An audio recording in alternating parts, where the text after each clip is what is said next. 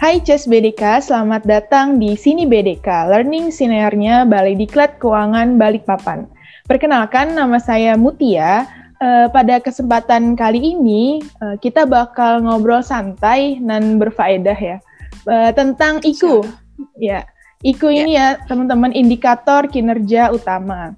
Uh, sesuatu yang jadi standar kinerja kita di Kementerian Keuangan tiap tahunnya dan juga mempengaruhi something tahunan nih di awal tahun berikutnya. Mungkin yang kita kenal dengan istilah tunjangan kinerja.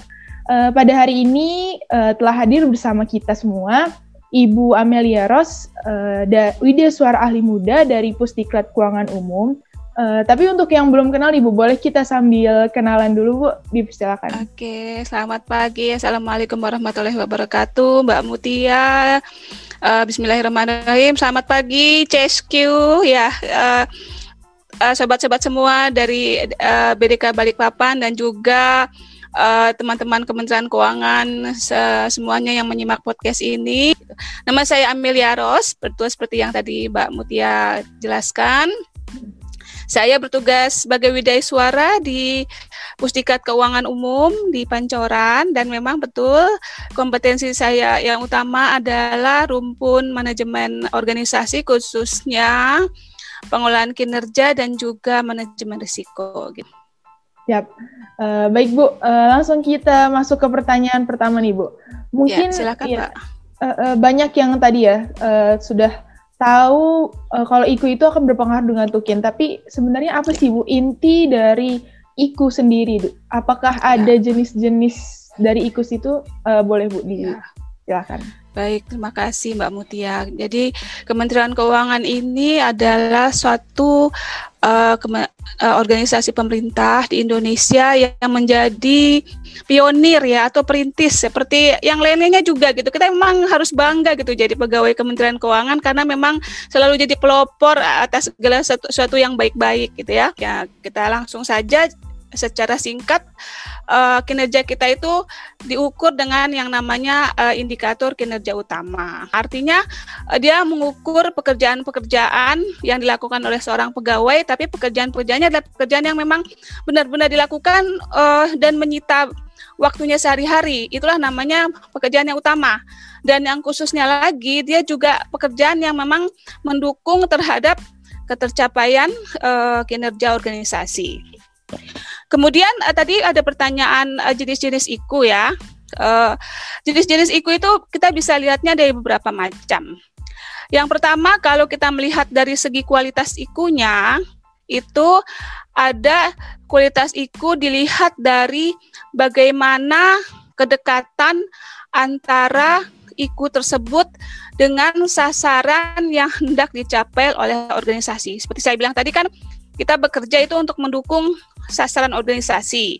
Nah, itu ada tiga macam IKU yang dilihat dari kedekatannya dengan sasaran organisasi, namanya IKU eksak, IKU proksi, dan IKU activity.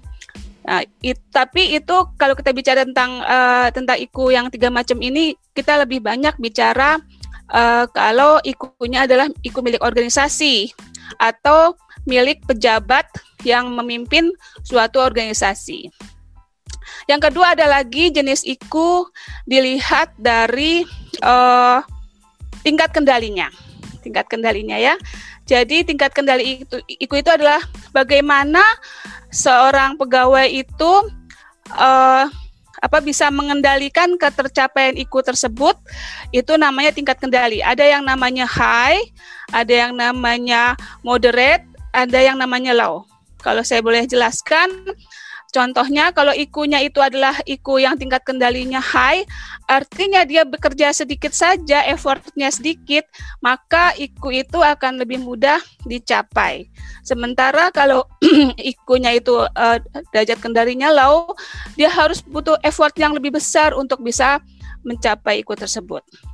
Nah, ada lagi jenis yang ketiga, iku dipandang dari proses penurunan iku tersebut dari atasan ada tiga macam lagi. Yang pertama adalah yang namanya iku cascading, ya. Dan iku cascading ini dibagi dua lagi, iku cascading peta dan iku cascading non peta. Kalau iku cascading peta artinya eh, pejabat eh, pegawai tersebut mendapatkan IKU dari seorang pemimpin organisasi atau pemilik peta istilahnya.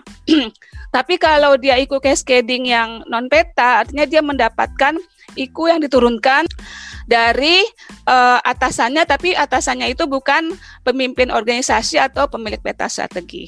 Dan yang ketiga adalah IKU non cascading, artinya IKU itu dirumuskan sendiri oleh si pegawai tersebut dan bukan dapat dari atasannya.